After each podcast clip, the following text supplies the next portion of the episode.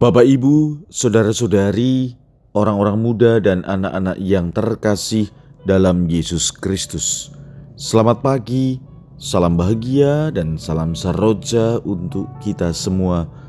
Berkat dalam bersama dengan saya, Romantonius Garbito Pambuaji, menyampaikan salam dan berkat Allah yang Maha Kuasa dalam nama Bapa dan Putra dan Roh Kudus. Amin. Hari ini Senin 14 November dalam hari biasa pekan biasa ke-33. Bacaan pertama dalam liturgi hari ini diambil dari kitab Wahyu. Bab 1 ayat 1 sampai dengan 4 dilanjutkan bab 2 ayat 1 sampai dengan 5a. Bacaan Injil diambil dari Injil Lukas bab 18 ayat 35 sampai dengan 43. Ketika Yesus hampir tiba di Yeriko, ada seorang buta duduk di pinggir jalan dan mengemis. Karena mendengar orang banyak lewat, ia bertanya, "Ada apa itu?" Kata orang kepadanya, "Yesus, orang Nazaret, sedang lewat." Maka si buta itu berseru, "Yesus, Anak Daud, kasihanilah aku." Orang-orang yang berjalan di depan menyuruh dia diam. Tetapi semakin kuat ia berseru, Yesus anak Daud kasihanilah aku.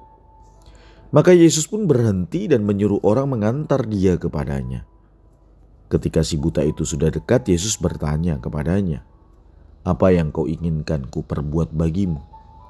Jawab orang itu, "Tuhan, semoga aku melihat." Maka Yesus berkata, "Melihatlah, imanmu telah menyelamatkan dikau." Pada saat itu juga ia melihat, lalu mengikuti Yesus sambil memuliakan Allah. Seluruh rakyat menyaksikan peristiwa itu dan memuji Allah. Demikianlah sabda Tuhan, terpujilah Kristus. Ibu bapak, saudara-saudari yang terkasih, sabda Tuhan hari ini mau mengajak kita untuk melihat dua hal. Yang pertama, ketika kita berdoa, apa yang kita ungkapkan? Seringkali tanpa sadar, kita mengungkapkan pujian, syukur kepada Allah, dan permohonan tentunya. Tetapi dari kisah Injil hari ini, kita disadarkan bahwa setiap kali kita menyampaikan permohonan, kita juga harus menyadari betapa kita adalah orang yang sungguh membutuhkan belas kasih dari Tuhan. Maka, pengalaman orang buta mengajak kita untuk bukan hanya berdoa dengan bersyukur dan memohon, tetapi juga kita menyadari bahwa kita sungguh memerlukan belas kasih Tuhan. Kita menyadari keberdosaan kita, kita menyadari kelemahan kita, maka kita berseru, "Yesus, kasihanilah aku." Yesus, ampunilah dosaku.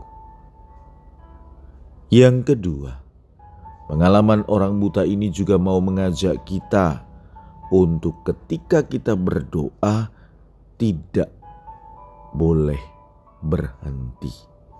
Untuk ketika kita memohon tidak boleh berhenti.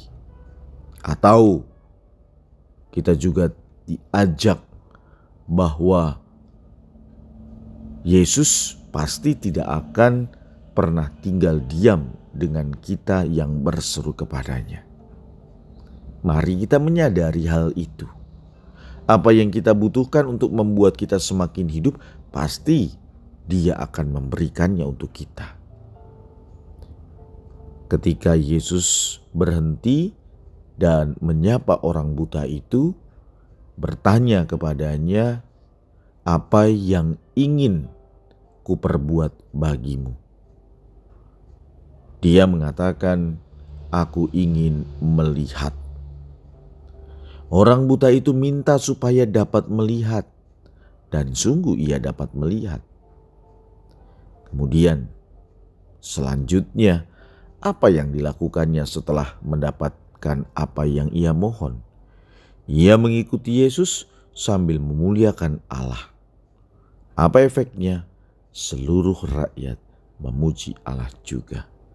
Maka saudara-saudari yang terkasih, ketika kita senantiasa bersyukur memuji Allah, itu akan memberikan dampak atau menularkan kepada orang lain juga bahwa memuji Allah adalah suatu berkat.